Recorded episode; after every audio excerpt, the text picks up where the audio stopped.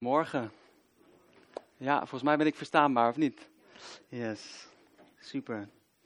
Ik vind het een, ehm, een voorrecht om hier te zijn vanochtend. Ik moet zeggen, u bent een eh, bijzonder vriendelijke gemeente. Ik heb heel veel mensen mij zien begroeten alsof ze me al jaren kenden. En dan dacht ik, moet ik jou ook kennen of moet ik u ook kennen? Maar ehm, dat is super. En ehm, bedankt voor het vertrouwen. En inderdaad, het klopt. Ik uh, ben een beetje betrokken bij het eh, werk van Kerigma nu. Christian Tan die is dat aan het voortzetten. En Kees heeft het overgedragen. En dat is mooi om mee te bouwen. En um, even kort wat over mezelf. Dan weet u een beetje wie u voor u hebt. Um, ik ben Arjan. Dat wist u al. En ik ben ongeveer een klein halfjaartje getrouwd met Merit. En die heb ik ook meegenomen. En um, uh, dat is genieten. En, um, en dat is een, een, hele nieuwe fase voor ons. Uh, sowieso omdat we net getrouwd zijn, maar ook omdat er heel veel dingen in beweging zijn. Um, ik ben momenteel bezig met het, het, het, het, in het leven roepen van een eigen stichting, die ook Kerk voor Kracht gaat heten. En, um, en uh, dat is mooi, er gebeurt heel veel, er zijn veel mooie ontwikkelingen. ik was aan het bidden een poosje voor, um, voor een kantoortje, een kantoorruimte. En, um, en dat was iets uh, waarvan ik dacht, um, het is goed om, om van huis ochtends weg te kunnen gaan en te zeggen, ik ga naar mijn werk. En, um, en er gaat een beetje een verhaaltje aan vooraf, wil ik heel kort vertellen. Ik heb um, politicologie gestudeerd, politieke wetenschappen, dat is wat makkelijker misschien. En uh, dat was eigenlijk ook in een periode dat ik die studiekeuze maakte, dat ik zelf nog niet helemaal eh, in mijn relatie met, met Jezus wandelde. En, maar achteraf, ik ben heel blij dat ik, uh, dat ik mijn studie heb afgemaakt. Ik weet dat ik twee jaar geleden een keer op een punt bij Kees Goedhart kwam. En dat ik zei, Kees, ik zei, uh, ik heb echt een verlangen, nu een brandend verlangen. Dat was inmiddels echt gaan, groeien in mijn hart. Ik zei, ik heb echt een verlangen om, um, om nu al fulltime de bediening in te gaan. En Kees die nam mij een beetje op. En, uh, en die zei, nee, hij zei, Arjan, dat zou ik niet doen. Hij zei, het is verstandig om, uh, om waar je aan begint ook af te maken. Hij zegt, en, je doet er verstandig aan om, om gewoon een diploma te halen. En als de Heer je echt roept, dan zal hij dat wel duidelijk maken. En nu twee jaar later was het oktober en, ehm, en ik zat weer bij Kees. En, uh, en nu ervoer ik echt die roeping branden. Een aantal profetische woorden, een droom, er allemaal dingen die samenkwamen, dingen die eigenlijk te toevallig waren. En, uh, en, uh, en dit keer was het anders. En eh, gaf hij ook namens de Heer groen licht. En um, als u het nou um, niks vindt vanochtend, dan moet u maar even aankloppen bij Kees Goedhart. Want ik heb het toch een beetje aan hem te danken dat ik hier sta vanochtend. En nee, maar grapje. Het is een eigen keus geweest, maar... uh, ik had het niet verwacht dat het zo snel zou gaan. En um, ik heb een thema vanochtend. En um, ik was hiermee bezig de afgelopen weken in gedachten, in gebed. En uh, ik heb er veel over gelezen. En ik wil vanochtend met jullie nadenken over uh, geloof. Dat is niet zo heel verwonderlijk hè, als we, als, we, als we in de kerk komen op zondagochtend. Over geloof, ik zal het iets specifieker maken, dat bergen verzet geloof dat bergen verzet. En ik wil um, beginnen met een heel klein citaat uit een boekje wat ik um, ongeveer twee jaar geleden mocht vertalen voor een uitgeverij, uitgeverij Arrows. En dat boekje heet Doorbraak in Genezing. Ik heb ook een paar exemplaren meegenomen. Ik keek een beetje rond vanochtend. Ik dacht, oh, ik hoop dat ik genoeg boekjes heb meegenomen. Maar dat gaan we straks zien. En Randy Clark die heeft het eigenlijk over um, hoe bepalend ons wereldbeeld en ons mensbeeld en ons godsbeeld zijn voor wat we verwachten van God in deze tijd. En ik weet niet um, hoe dat met u zit of met jou zit, maar ik ben opgegroeid in een, in een kerk um, waar weinig geloof was, weinig verwachting was voor het ingrijpen van God uh, in het hier en nu. En um, en eigenlijk werd God een beetje gepresenteerd als de grote ik was. En als de grote ik zal er zijn. Maar wie weet dat God niet alleen de grote ik was, is en de grote ik zal er zijn, maar ook de grote ik ben. En dat waar God is, daar gebeurt altijd iets. Ja, of het nou zichtbaar is of niet, maar waar een beweging komt van Gods geest, daar gebeurt altijd iets. En, ehm, en ik wil een klein stukje lezen, gewoon ter inleiding. Ehm, luister mee naar wat Randy Clark zegt. Hij zegt dit, hij zegt de kerkgeschiedenis laat zien dat de geloofsovertuigingen van de kerk met betrekking tot genezing en ziekte, en ik zeg er maar even bij dat we dat, we dat wat breder mogen trekken, uh, uh, naar de bredere waaier van wonderen die God kan doen, ook de, de, de financiële wonderen die God in je leven kan doen, en andere wonderen. Hij laat zien, de kerkgeschiedenis laat zien dat de geloofsovertuigingen van de kerk veranderden door een verschuivend wereldbeeld. In de eerste acht tot tien eeuwen van de kerkgeschiedenis had de kerk een wereldbeeld van strijd tegen de zonde. De kerk voerde oorlog tegen de duivel, demonen en ziekte. Dit perspectief werd langzaam maar zeker vervangen door een nieuw wereldbeeld, waarin alles wat op aarde gebeurde, dus ook ziekte, werd gezien als Gods wil en niet meer werd bestreden. De genezingstheologie van de kerk veranderde dus mee met het wereldbeeld. Wanneer we uitgaan van een wereldbeeld van strijd tegen de zonde, dan verwachten we dat goede mensen worden overvallen door slechte dingen, omdat er een oorlog gaande is. Satan en zijn trawanten, overheden, machten, krachten en demonen zijn volgens deze visie terroristen. Ze vallen onschuldige burgers aan, er vallen slachtoffers en er zijn geen internationale verdragen om een eerlijke strijd te garanderen. Dat wereldbeeld staat in scherp contrast met het huidige wereldbeeld, waarin alles wat gebeurt onder Gods wil wordt geschaard. Amen. Ik, weet niet, ik ben opgegroeid met de catechismus. Wie, wie, wie ook hier, die hier zit? Oh, kijk. Ja, en, en, en wie weet dat een van de zondagen van de catechismus zegt dat zowel ziekte als gezondheid aan ons worden toege, um, dicht vanuit de vaderlijke hand van God. Ons worden gegeven vanuit de vaderlijke hand van God. Als alles Gods wil is, dan kom je in de problemen als goede mensen worden overvallen door slechte dingen. Mensen worden dan niet aangespoord om de goede strijd tegen ziekte en lichamelijke beperkingen te strijden.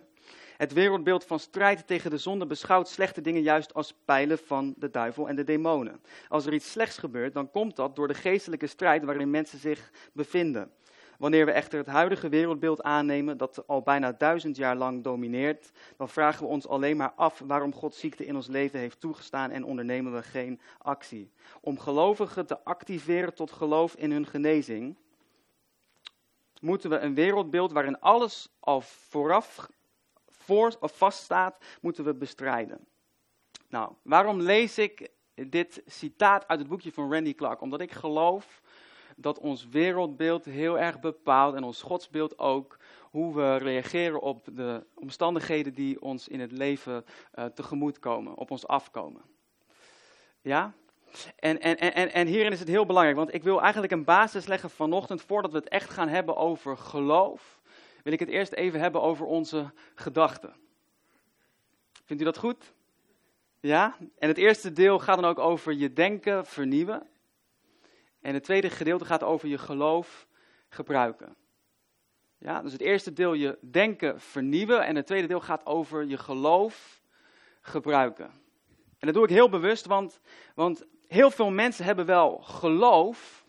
Ja, en als ik hier vanochtend zou vragen wie geloofde dat God wonderen kan doen, dan geloof ik dat heel veel handen zo niet allemaal wel de lucht in zullen gaan. Maar als ik u zou vragen wie heeft er geloof dat het ook daadwerkelijk vanochtend gaat gebeuren, dan zijn er misschien nog wat minder handen die de lucht in gaan. En als ik u vraag, gaat het gebeuren, misschien ook wel vandaag in uw eigen leven? Nou ja, u, u, u raadt misschien het vervolg wel. En dat heeft alles te maken met onze gedachten. Veel mensen hebben wel geloof, maar ze hebben hun gedachten, en ik reken mezelf daar ook toe, niet in lijn gebracht met het woord van God. En zien daarom hun geloof niet werken. En de Bijbel heeft het ook heel vaak over die strijd tussen ons intellect, onze, onze denken, onze gedachtenwereld en ons geloof. Wist u dat de Heilige Geest ook de geest is die zich verbindt aan onze geest, aan ons hart? De Bijbel noemt dat ons hart of onze geest. Gods geest verbindt zich met onze geest en laat ons weten dat we kinderen van God zijn. Dus God verbindt zich met onze geest. Maar onze gedachten maken onderdeel uit van onze ziel. En onze ziel, mogen we gerust zeggen, denk ik, in ieder geval in mijn leven, is heel vaak een beetje de kleine rebel. En die vindt het maar lastig om zichzelf te onderwerpen aan, ons, aan onze geest. En ook aan de leiding van de Heilige Geest. En we moeten leren om onze gedachten in lijn te brengen met het woord van God, zodat we ook daadwerkelijk met alles wat we hebben gaan verwachten wat God wil doen in ons leven. Ja, dus er is een strijd tussen ons intellect en ons geloof, tussen aanschouwen en vertrouwen. Leven in reactie op wat we zien met onze natuurlijke ogen. En leven in reactie op wat we zien met onze geestelijke ogen. Dat, dat, dat stemt ook heel erg overeen met het Joodse denken. Dat je als mens altijd twee paar ogen hebt. De ogen van je hoofd en de ogen van je hart. En wij moeten leren kijken met de ogen van ons hart. En dat zien we heel mooi in Hebreeën 11, vers 1. Het geloof legt de grondslag voor alles waarop we hopen en overtuigt ons van de waarheid van wat we niet zien. Dus geloof ziet dat wat in het verborgene is. Geloof ziet dat wat onzichtbaar is. En in Romeinen 4, daar lezen we over Abraham. En Abraham, hij krijgt de belofte van God. Het woord van God. Er komt een woord van God tot hem. Abraham, je zult de vader worden van een groot volk. En alle volken zullen ook in jou gezegend worden. En als hij de hoge leeftijd van 100 jaar heeft bereikt en nog altijd geen zoon heeft verwekt en nog niets heeft gezien in het zichtbare. En het enige wat hij ziet in het zichtbare is zijn eigen lichaam, wat behoorlijk verouderd is. Dat kun je je wel voorstellen, een 100-jarige man. En daarnaast ook nog een vrouw die eigenlijk naar aardse maatstaven, naar natuurlijke maatstaven onvruchtbaar is geworden, omdat ze op zulke hoge leeftijd is gekomen. Abraham had alle reden om te twijfelen. Maar dit is dan wat de Bijbel zegt in Romeinen 4, vers 19. Zijn geloof verzwakte niet toen hij ongeveer 100 jaar oud besefte. Nou, waarmee besef je dingen? Met je intellect, met je verstand. Dus Abrahams verstand had hem niet verlaten. Hij was nog niet dementerend, denk ik, als we dit lezen. Nee, hij, hij, was zich heel goed bewust van wat er gebeurde met hemzelf en zijn omgeving. Zijn geloof verzwakte niet toen hij besefte dat zijn kracht hem hadden verlaten en Sarah niet langer vruchtbaar was. Wat staat er? Abraham, hij redeneerde niet. Hij redeneerde niet. Hij gaf niet toe aan gedachten van ongeloof. Hij kijkt niet naar zijn eigen lichaam om vervolgens te concluderen, nu is het niet meer mogelijk. Nu kan Gods belofte niet meer in vervulling gaan. Want bij God tellen nooit de feiten, bij God telt alleen zijn woord.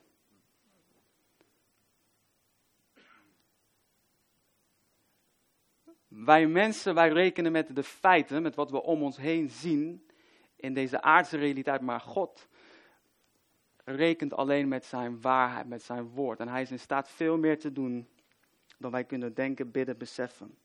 En daarom is geloof ook geen zaak van het hoofd, maar een zaak van het hart. Ja, je redeneert met je hoofd, maar je gelooft met je hart. Dus als jij snel de neiging hebt om te redeneren, dan denk ik dat leven uit geloof heel ingewikkeld is. Ja? Als je redeneert met je natuurlijke mens. Abraham geloofde God op zijn woord. En dan staat er in Romeinen 4, vers 20, één vers later. Hij twijfelde niet aan Gods belofte, zijn geloof verloor hij niet. Integendeel, hij werd daarin gesterkt.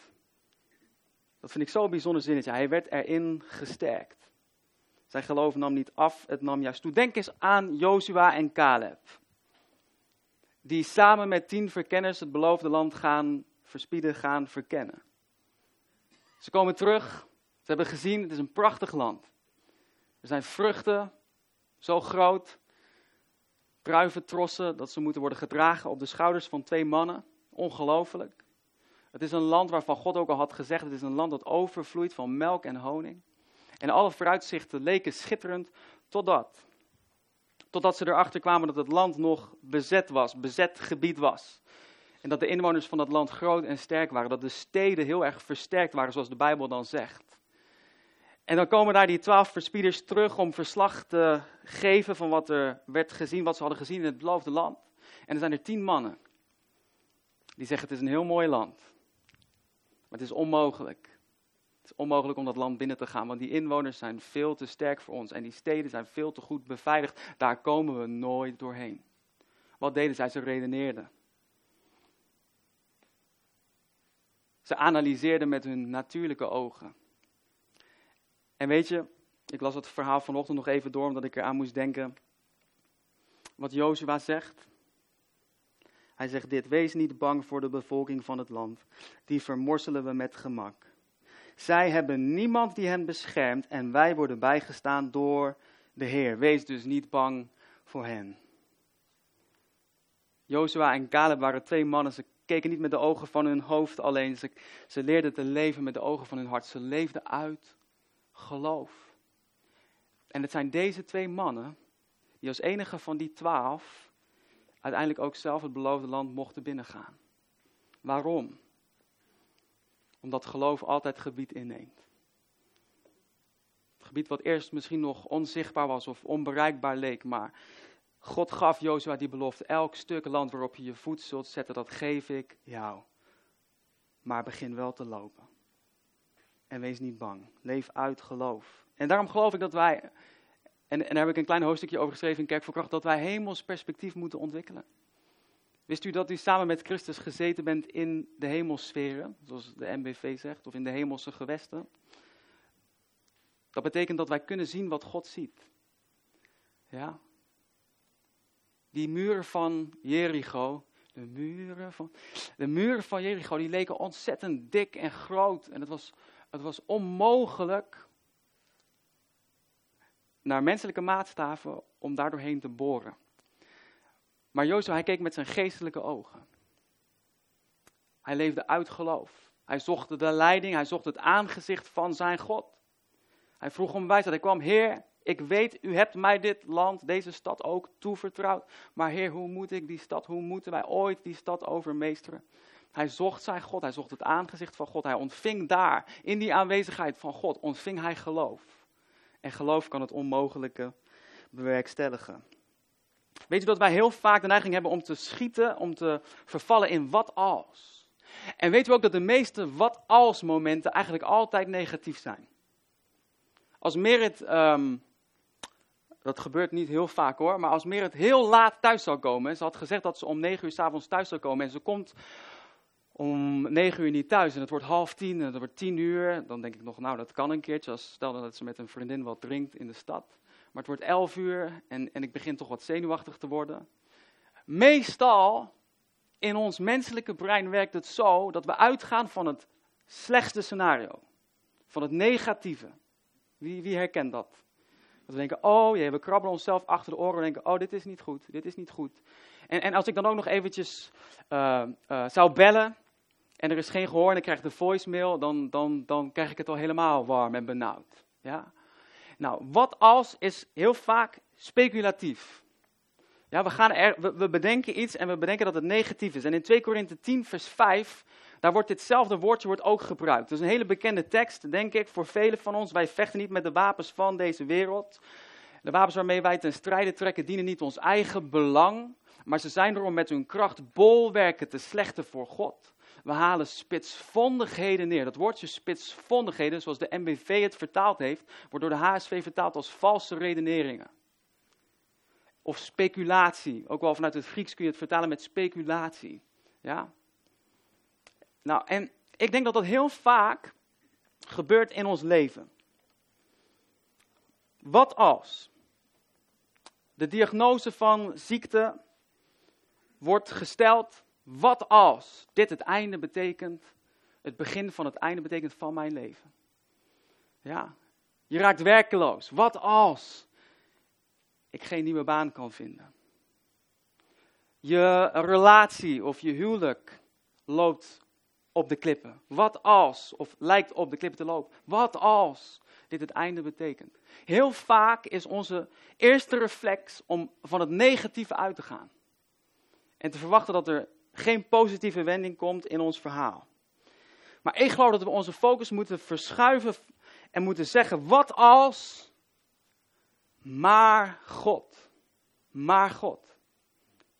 Maar God is in staat om in te grijpen met zijn krachtige hand.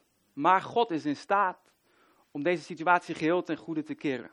En ik geloof eigenlijk ook dat op het moment dat wij ons ja hebben gegeven aan Jezus, en wij wederom geboren werden. 1 Johannes 3, vers 9 zegt dan, wij zijn uit God geboren. Dat op het moment dat wij ons ja gaven aan Jezus, gaven wij ons recht op om te denken in onmogelijkheden. Vanaf het moment dat wij wedergeboren zijn, kregen wij hetzelfde geestelijke DNA als Jezus Christus. Nou hebben wij nog steeds een ziel. En die ziel van Jezus was ook volmaakt, want hij zondigde niet. Hij werd verleid, maar hij zondigde niet. Hebreeën, moet je nog eens om nalezen, prachtig. Maar onze geest is wedergeboren en wij moeten leren leven vanuit onze geest. Het moment dat wij ons ja hebben gegeven aan Jezus, hebben we ons recht uit handen gegeven om te denken in onmogelijkheden. En daarom, wat als, maar God. Maar God, er is altijd een wending mogelijk in het verhaal, in het leven met de Heer. Deze diagnose heeft niet het laatste woord, want God. Dit ontslag bepaalt niet mijn toekomst, want God. Deze gebroken relatie, dit gebroken huwelijk kan herstellen, want God. Want God.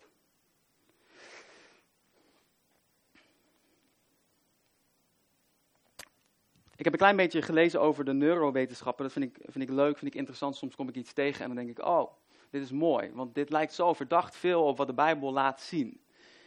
En weet je wat ik ontdekte? Dat de neurowetenschappen eigenlijk laten zien. En eigenlijk zullen ook al die wetenschappers je dat vertellen. Jij bent geen slachtoffer van je omstandigheden. Je bent geen slachtoffer van je biologie. Ik ben opgegroeid in een beetje een, een, negatieve omgeving, een negatief huishouden. En eigenlijk werd er altijd van het negatieve uitgegaan, van het slechte scenario uitgegaan.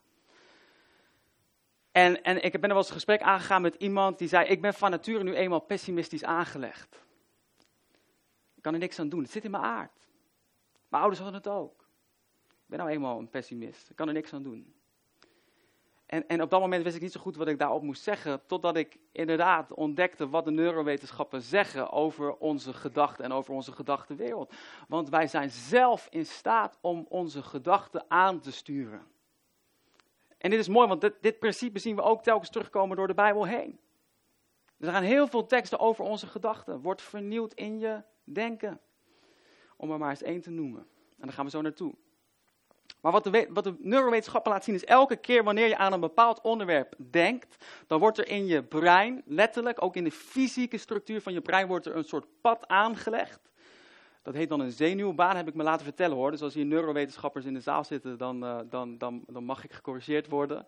Maar elke keer wanneer je aan een bepaald onderwerp denkt, wordt er een soort pad in je hersenen gevormd, waardoor het de volgende keer makkelijker wordt om weer aan hetzelfde onderwerp te denken. Dat betekent dus eigenlijk, vergelijk het even met wanneer je loopt door hoog gras. Wanneer je dat vaker doet, ontstaat er een pad. Of wanneer je door een korenveld loopt. Hoe langer je en hoe vaker je over datzelfde stuk korenveld loopt, hoe platter gedrukt het wordt en er ontstaat een pad in dat veld. En dat is ook zo met onze gedachten. En dat betekent dus dat mensen die een vorm van klagen toelaten in hun denken, ook zo'n zenuwbaan kunnen ontwikkelen in hun denken, waardoor ze uiteindelijk maar blijven klagen en ze blijven herhaaldelijk aandacht schenken aan het negatieve, aan dat het niet goed gaat, dat het niet goed zal komen. Ja? En dan zegt Caroline Leaf, die zegt, we zijn geen slachtoffer van onze biologie, want wat we denken hebben we zelf in de hand. We kunnen onze ongezonde denkpatronen kunnen we verruilen voor gezonde denkpatronen. En dat betekent dus dat als wij aandacht zouden gaan geven aan de dingen die God over ons zegt, dan worden er ook in ons brein worden er nieuwe paden gecreëerd, aangelegd, waardoor we steeds meer in lijn gaan denken met dat woord van God. En wat die wetenschap laat zien is dat als wij 30 dagen lang, elke ochtend, aandacht zouden geven aan woorden die Jezus spreekt over ons. En we zouden dus ook uitspreken, we zouden er even op mediteren. Dan kunnen we over 30 dagen ook daadwerkelijk een ander mens zijn. We kunnen anders denken. Door onze gedachten bewust aan te sturen, bewust in lijn te brengen met het woord van God. In Jozua 1 vers 8 zegt God tegen Jozua als hij voor die onmogelijke, naar de mens gesproken opdracht staat om het beloofde land binnen te gaan. Dan zegt God dit, dit wetboek zegt God mag niet wijken uit je mond. Prijs de Heer dat we niet langer alleen dat wetboek van Mozes hebben, maar het hele boek. Het hele woord van God, de hele raad van God. Dit wetboek, dit boek, deze Bijbel mag niet wijken uit je mond. Je moet het dag en nacht overdenken. Nou, Wat is dat woordje? Het je voorstellen, erover nadenken, het visualiseren. Dat is eigenlijk wat het woordje overdenken betekent. Handel nauwlettend overeenkomstig alles wat daarin geschreven staat. Dus wat zegt God? Denk het woord van God. Spreek het woord van God. Leef het woord van God. Je moet het woord van God niet alleen lezen, je moet het net zo lang lezen totdat je het gaat leven. Wanneer je je gedachten vult met het woord van God, is dat ook wat uit je mond zal komen. En is dat ook wat je zult gaan doen.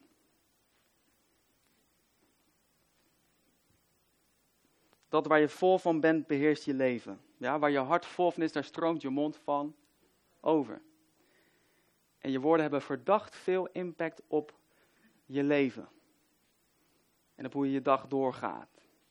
Je zou bijna kunnen zeggen, het is niet, het is niet 1 en 1 is 2 hoor, maar je zou bijna kunnen zeggen, je woorden scheppen je wereld. Voor een heel groot gedeelte. Paulus die um, komt terug op datzelfde principe waar God tegen Jozef over sprak. En hij zegt dit, hij zegt, word niet aan deze wereld gelijkvormig, maar wordt veranderd door de vernieuwing van uw gezindheid, van uw denken. Romeinen 12, vers 2. Nou, dit, dit, wordt, dit wordt interessant. Dit wordt leuk. Ja, dus ik hoop dat u bijblijft, dat u nog niet in slaap valt. Ik heb dat woordje gezindheid opgezocht. En dit is een definitie die wordt gegeven door um, een woordstudie, een concordantie die ik erop na heb. En dit is het woordje in het Grieks wat hier wordt gebruikt, het woordje nous. Ik weet niet of ik het goed uitspreek. Ik heb geen theologie gestudeerd, maar dit is het woordje. N-O-U-S, nous. En dat, gaat, dat is het woordje in het Engels mind, je gedachte, je intellect.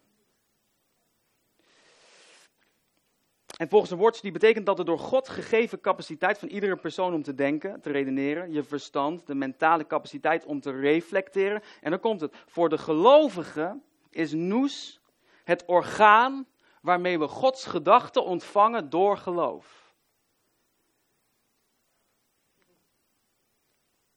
En dit is interessant, want in 1 Korinthe 2, vers 16 1 Korinther 2 is een schitterend hoofdstuk als je wil begrijpen hoe de Heilige Geest werkt en wil werken, wil spreken. Ook tot je hart. Maar in 1 Korinther 16 vers 2, daar citeert Paulus de profeet Jesaja. En de profeet Jesaja die stelde in het Oude Testament de vraag, wie kent de gedachten van de Heer? Dat lijkt een retorische vraag en dan is het logische antwoord, niemand. Niemand. Maar dan zegt Paulus, die beantwoordt die vraag en die zegt, wel nu, onze gedachten zijn die van Christus onze gedachten. Het is weer hetzelfde woordje nous.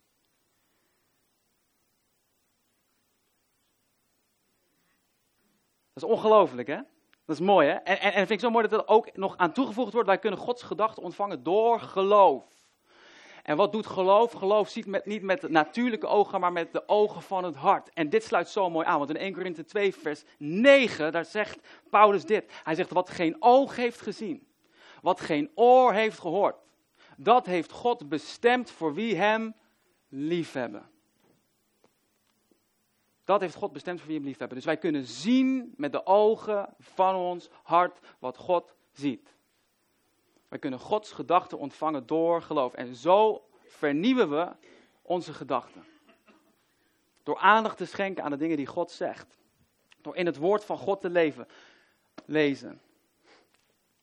Overdenk het woord van God, dag en nacht. Maak jezelf één met het woord van God. Mediteer erop.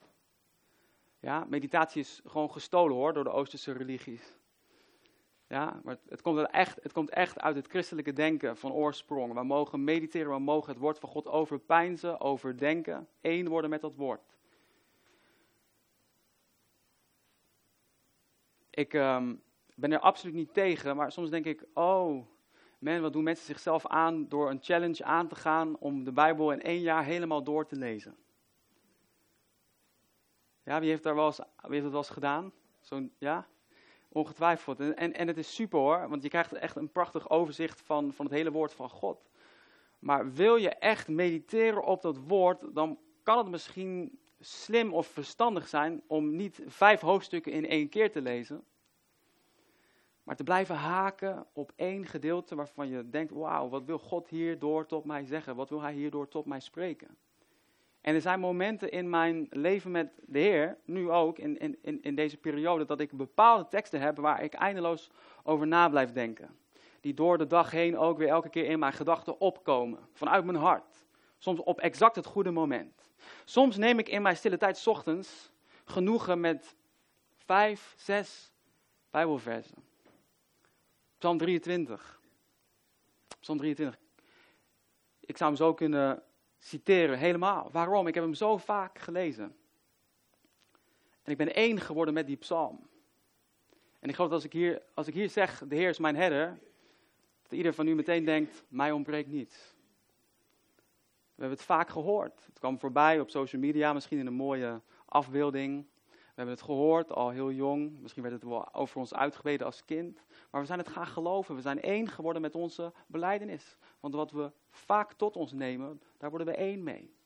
Dat gaan we reproduceren, dat gaan we geloven.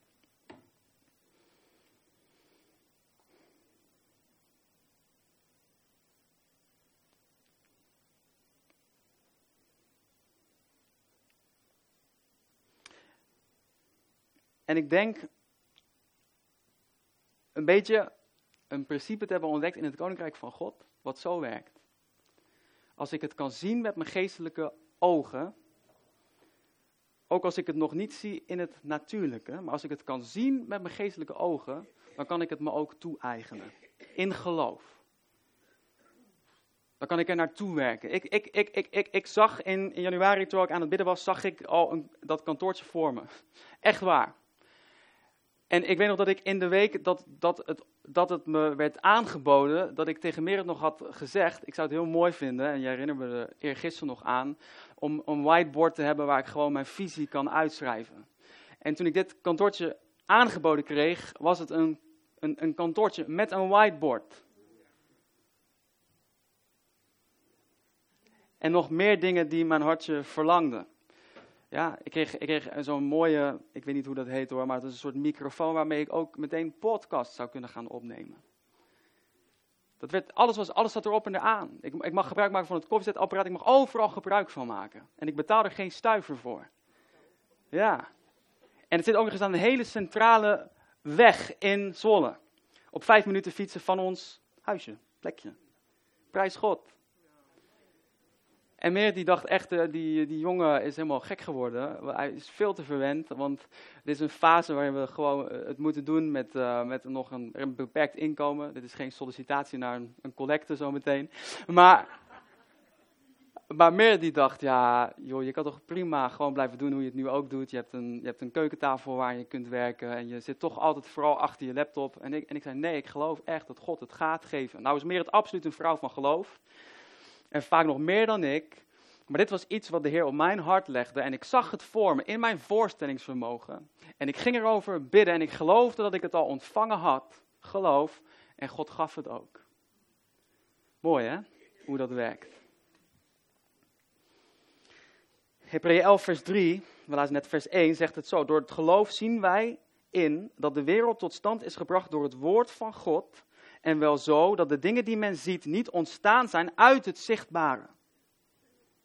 Wat zegt dat? Alles wat God in de zichtbare wereld heeft gemaakt, alles wat wij om ons heen zien, is een manifestatie van zijn verbeelding. Van zijn voorstellingsvermogen. Hij sprak het en het was er exact zoals hij het had bedacht. Zoals hij het voor zich had gezien. En dan staat er vervolgens: God schiep de mens naar zijn evenbeeld. En ik geloof ook dat we mogen zeggen met datzelfde vermogen om te scheppen, om te creëren, om dingen voor ons te zien en door geloof te ontvangen.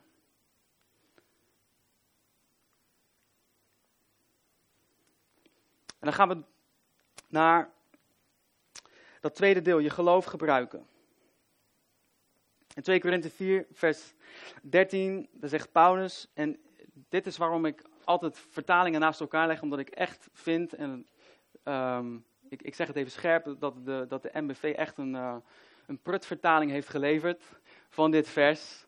En daarom lees ik hem uit de um, ehm, HSV. En er staat, omdat wij dezelfde geest van geloof hebben. En ik, en ik durf te zeggen hier, geest met hoofdletter G.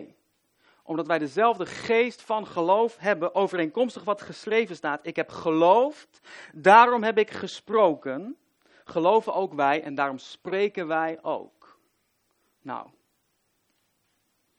wat staat hier? Er zijn een paar observaties die je kunt maken over dit gedeelte. Allereerst de geest van geloof. De Heilige Geest is de geest van geloof. Het is de geest die geloof geeft. Wist je dat alles in je leven altijd begon met een initiatief van God? Wij hebben lief omdat Hij ons eerst heeft lief gehad. Amen. Wij zijn vrijgevig, hoop ik, omdat God zelf de grootste gever is. Want al zo lief had God de wereld dat hij gaf. Wij zijn geheiligd omdat God heilig is. Alles vindt zijn oorsprong, al het goede vindt zijn oorsprong in God. En daarom zegt Jacobus dat elke goede, elke volmaakte gave van boven komt. Van de Vader van de hemel ligt. Alles komt bij God vandaan en wij mogen het ontvangen. En zo is ook geloof een gave van God. En, en dat is heel interessant als je ook de geestesgaven bestudeert. Dan is daar een van die, van die gaven die een beetje voor mij altijd opviel, omdat ik het niet begreep. Is een van die gaven, de gave van geloof. Of de gave van een groot geloof heb jij heel veel studies gedaan naar, naar het werk en de gave van de Heilige Geest, dus ik hoop dat je het met me eens bent. En, en de gave van een groot geloof gaat niet over het geloof in God, zoals we dat waarschijnlijk allemaal hebben, zoals we hier zitten, denk ik. De gave van groot geloof gaat over het geloof dat God in een specifieke situatie, misschien wel bij een specifieke persoon, een wonder gaat doen of in gaat grijpen.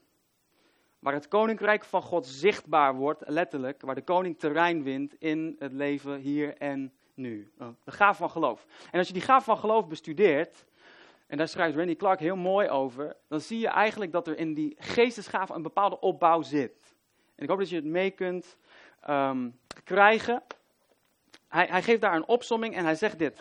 Nou wordt door de geest aan de een de gave van een woord van wijsheid gegeven, aan een ander door diezelfde geest een woord van kennis, aan de volgende de gave van groot geloof en weer aan een volgende genade gaven van genezingen. Dat is meervoud wat daar gebruikt wordt. Dus er zijn blijkbaar gradaties en verschillende vormen en manifestaties van genezing. Maar het begint, en ik wil even beginnen bij een woord van kennis. Een woord van kennis is als ik hier nu voor u sta en ik heb een specifieke indruk. We kennen denk ik allemaal wel dat is mijn inschatting bij deze gemeente Martin Kornstra. Als Martin Kornstra een genezingsdienst organiseert, dan heeft hij een indruk die hij deelt met de zaal. En vervolgens, op het moment dat er iemand is die begint te zwaaien met zijn armen, en zegt, dat ben ik. Wat, wat er dan gebeurt op dat moment is, er ontstaat geloof. Bij degene die dat woord ontvangt en bij degene die het woord geeft. Ik heb dat één keer meegemaakt. Ik, ik noem dit voorbeeld heel vaak. Ik heb het één keer meegemaakt. Dat het zo duidelijk was dat ik vier specifieke kenmerken had over iemand. één en dezelfde persoon. Met verlies van kraakbenen in de linkerknie. En, en ik, had, ik had in mijn voorbereiding had ik gebeden en ik zag een plaatje van een bouwvak. En, en uiteindelijk bleek het hele pakketje van, van indrukken bleek te kloppen. En ik stond voor hem. En dat is de enige keer tot nu toe nog steeds, twee jaar geleden, dat ik zei: God gaat je genezen nu moeten we heel voorzichtig mee zijn. Maar op dat moment had ik de gave van geloof. Ik wist, God gaat het nu doen. God gaat het nu doen. Waarom? Ik had met de ogen van mijn geloof, de ogen van mijn hart, keek ik op dat moment naar die situatie. En nou geloof ik altijd wel dat voor God niets onmogelijk is. En dat, dat God elke berg kan verplaatsen. Maar op dit moment geloofde ik dat deze berg zou worden verplaatst en in de zee gestort. En dat die man op dat moment zijn genezing zou ontvangen. Het woord van kennis zet de gave van geloof vrij en vervolgens vindt het wonder plaats. Aan de een wordt gegeven een woord van kennis, aan de volgende de gave van een geloof, een groot geloof, en weer aan een volgende de gave van genezing. En Randy Clark die liet mij zien door zijn boekje, en ik heb hem ontmoet daarna ook in persoon, in person, ik weet niet of dat, of dat goed Nederlands is. En, en, hij vroeg me, heb je, heb, je, heb je dat ook opgepikt, die relatie tussen die geestesgaven? Want het is zo belangrijk. Het is zo'n belangrijke sleutel dat er geloof ontstaat, ook in een congregatie waar je voor staat. Dat als je iets deelt, dat het dan ook op dat moment kan gebeuren. En dat er geloof ontstaat en vervolgens de genezing plaatsvindt. We hebben de geest van geloof ontvangen. Overeenkomstig wat er geschreven staat. Ik heb geloofd, daarom heb ik gesproken. Wist u dat geloof niet stil is, maar dat geloof spreekt? Angst kan verlammen. En als je dat ervaart, ja, dan trek je jezelf terug in je geest van binnen en, en, en, en, en, en het doet iets met je. Je wordt stil. Maar geloof heeft vertrouwen. Een synoniem voor geloof is ook vertrouwen. En vertrouwen spreekt. Spreekt. En door de geest van geloof spreken wij. Overigens, Paulus citeert hier David in het Oude Testament. Hij citeert een psalm waar, waar, waar dit staat. En David op dat moment is in een situatie van verdrukking. En dat is ook de context van dit gedeelte. Maar het principe blijft, door de geest ontvangen wij geloof. En door dat geloof spreken wij ook. En dan gaan we naar Marcus 11. Vanaf vers 22. En daar staat, Jezus zei tegen hen, heb het geloof in God of heb het geloof van God. Nou, in alle Nederlandse Bijbelvertalingen, volgens mij op één na, wordt dit, dit gedeelte hier vertaald met heb geloof in God. Maar hetzelfde woordje in het Grieks kun je ook als volgt vertalen, heb het geloof van God. Of heb Gods geloof. Dit is belangrijk, want dit legt een belangrijke basis. Ik ga, ik ga hier zo verder op in. En dan zegt Jezus dit. Hij zegt, ik verzeker jullie. Nou, als Jezus zegt, ik verzeker jullie, dan moeten we opletten. Dan, dan, dan gaat hij absoluut een statement um, vertellen of delen wat waar is. En hij zegt dan dit. Als iemand tegen die berg zegt, kom van je plaats en stort je in zee. Geloof spreekt. Geloof spreekt. Dat, dat deelde ik net vanuit 2 Korinthe 4, vers 13. En hier lezen we in Marcus 11, vers 23. Geloof spreekt. Geloof spreekt tot de berg. Kom van je plaats en stort je in zee. En niet twijfelt in zijn hart, maar gelooft dat gebeuren zal wat hij zegt. Ook als je het dus nog niet hebt gezien, in het natuurlijke, maar wel gelooft, hebt gezien met de ogen van je hart. Wie niet twijfelt in zijn hart, maar gelooft dat het zal gebeuren, dan zal het ook gebeuren. Hier is geen woord Spaans bij in Jezus' woorden. En dit zijn teksten, ik heb, ik, ik, ik, ik, ik, naar wat ik me kan herinneren, en ik heb mijn best gedaan om te graven in mijn geheugen, heb ik in, in de Nederlandse kerken waar ik ben geweest, heb ik nog nooit een preek gehoord over dit gedeelte. Blijkbaar vinden we het heel spannend, omdat de consequentie, de implicatie van die woorden heel groot is. Dat we echt moeten en mogen verwachten dat God iets gaat doen wat onmogelijk is. Daarom zeg ik jullie alles waarom jullie bidden en vragen. Geloof dat je het al ontvangen hebt en je zult het krijgen. Nou, er is een reden waarom ik begon een statement te maken over heb het geloof van God. Want dit is belangrijk. Dit is belangrijk. Want we hebben allemaal de ervaring die leert dat als we bidden voor bepaalde situaties of omstandigheden, dat er in het natuurlijke niets lijkt te gebeuren. En wat er dan gebeurt met ons mensen, is dat we, en daar houden we van, zeker in Nederland, dat we redenen gaan bedenken of aandragen waarom het dan niet gebeurd is. En dit is waarom ik begon in de intro van mijn preek over ons wereldbeeld, ons godsbeeld, ons mensbeeld, omdat wij heel vaak geneigd zijn om te zeggen, dan was het niet Gods wil.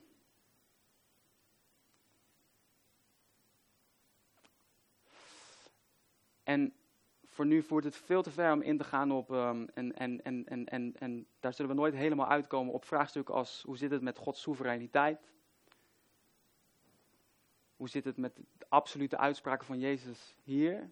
Maar dit kan ik wel zeggen. Er is een reden waarom ik denk dat we deze tekst moeten vertalen met heb Gods geloof. Heb het geloof van God.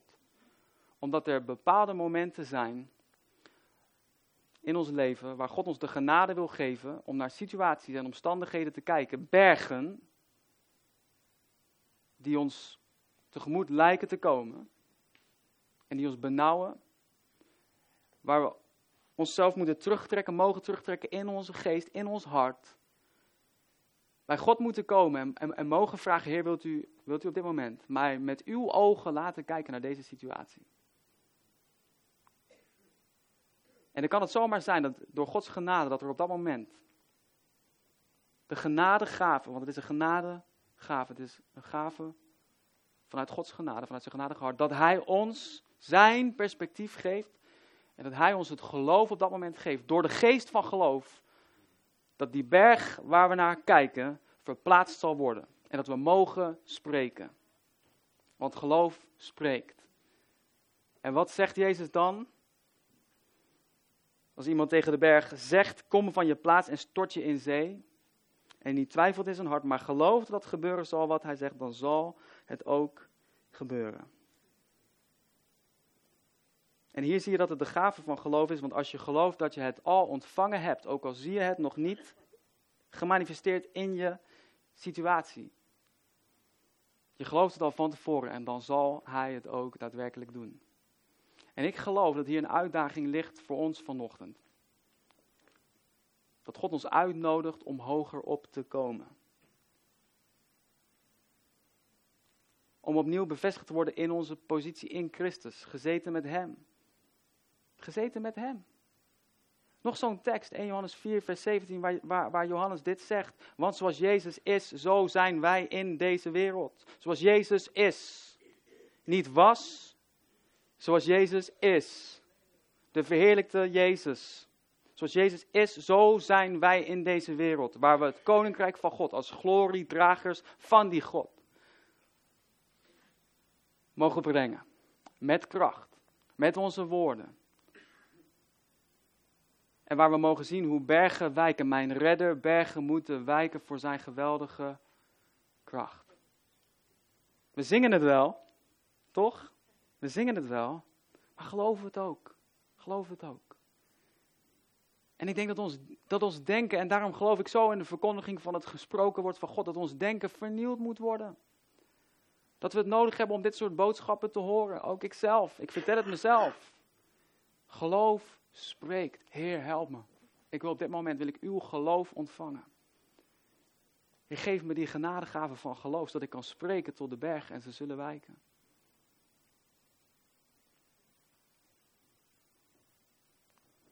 Nederland is een land zonder bergen. Maar wij Nederlanders zijn, zijn nog geen volk van groot geloof. En ik hoop echt oprecht dat het profetisch is, dat dit land geen bergen kent omdat er een volk van God opstaat in dit land van geloof.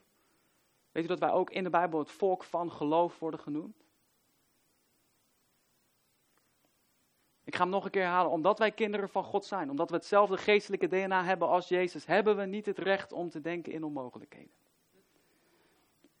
En moeten we leren om in onze reflexreacties, op het moment dat er dingen op ons pad komen, allereerst onszelf aan de voeten van Jezus te werpen, te kijken naar Hem. Want in onszelf en uit onszelf vinden we geen geloof. Wie herkent dat?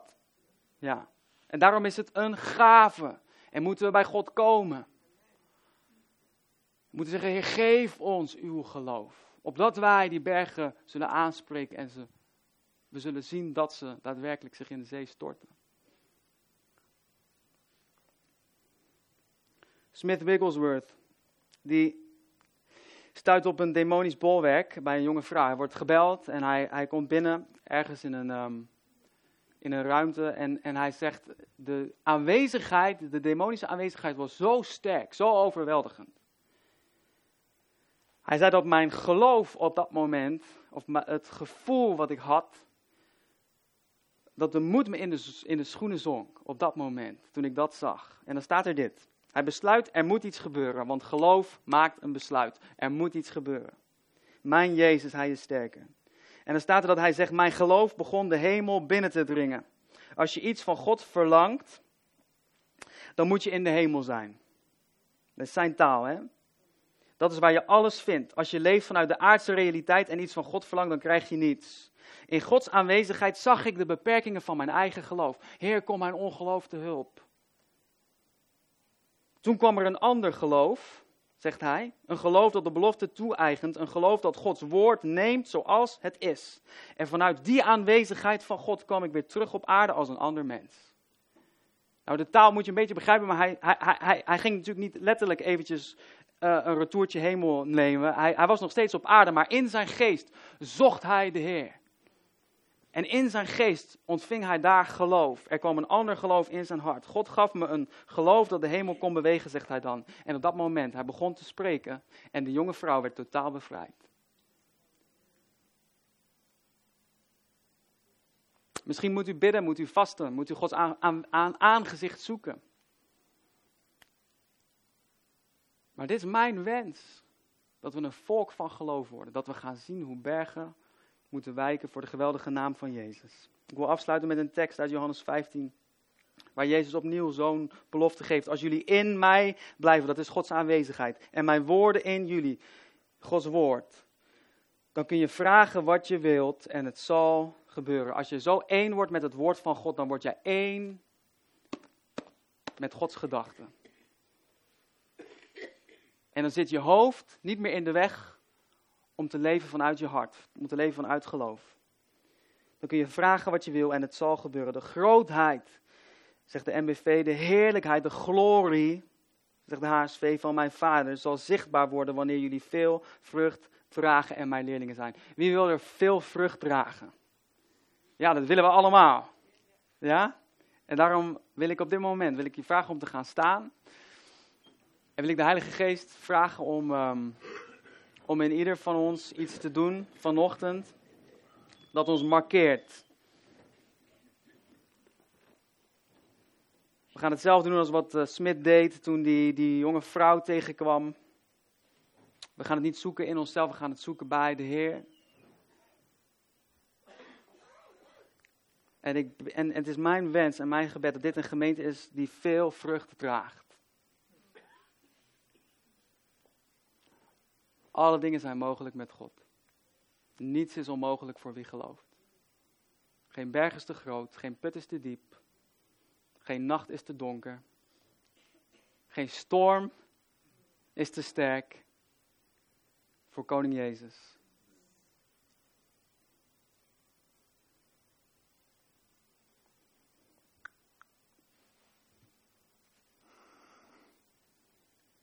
Zullen onze ogen sluiten op dit moment en allemaal gewoon individueel ons hart richten op de Heer. Op Jezus. De grondlegger, de voltooier van ons geloof. Hij die stand hield.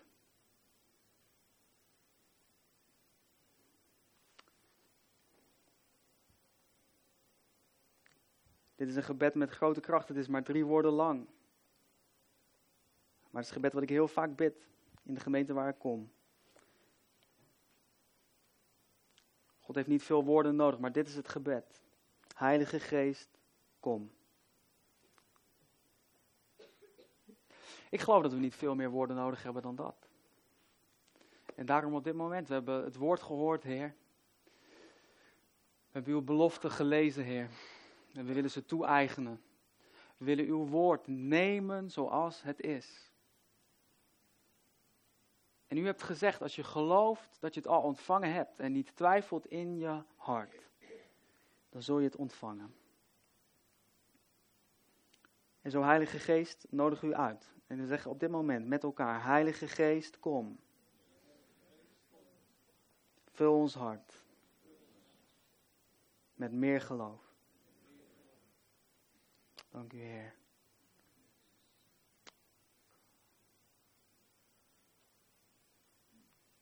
En ik bid op dit moment ook, Heer, voor deze gemeente.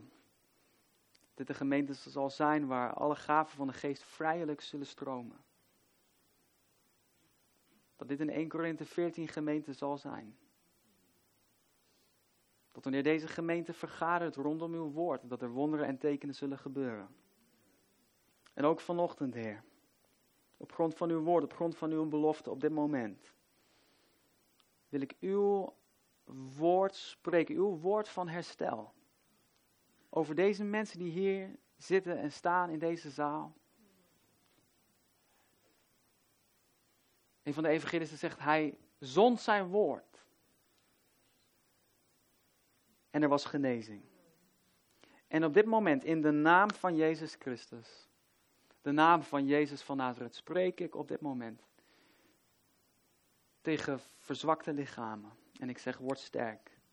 In de naam van Jezus. Want laat de zwakken zeggen, ik ben sterk. Want geloof spreekt.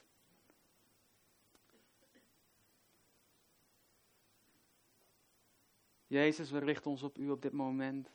Heer, we willen die hemel binnendringen op dit moment, waar u bent, waar geloof is. Heer, in de hemel is uw volmaakte wil, altijd. En we spreken ook uit, gelijk in de hemel, zo ook op aarde. Zo ook hier, in deze zaal. Op dit moment, we scharen onszelf onder uw woord, onder uw wil. En we spreken op dit moment herstel over en ieder die hier zit. In de naam van Jezus.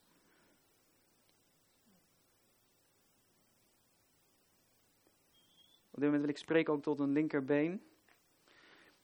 Ik weet niet wie op dit moment, maar ik ervaar iemand met een sterk verzwakte linkerbeen. En op dit moment, ik spreek daar tegen dat been en ik zeg, word gezond in de naam van Jezus. Word krachtig. Lichaam sterk aan in de naam van Jezus. En opnieuw, Heilige Geest, kom. Met uw genezende aanwezigheid. In Jezus' naam.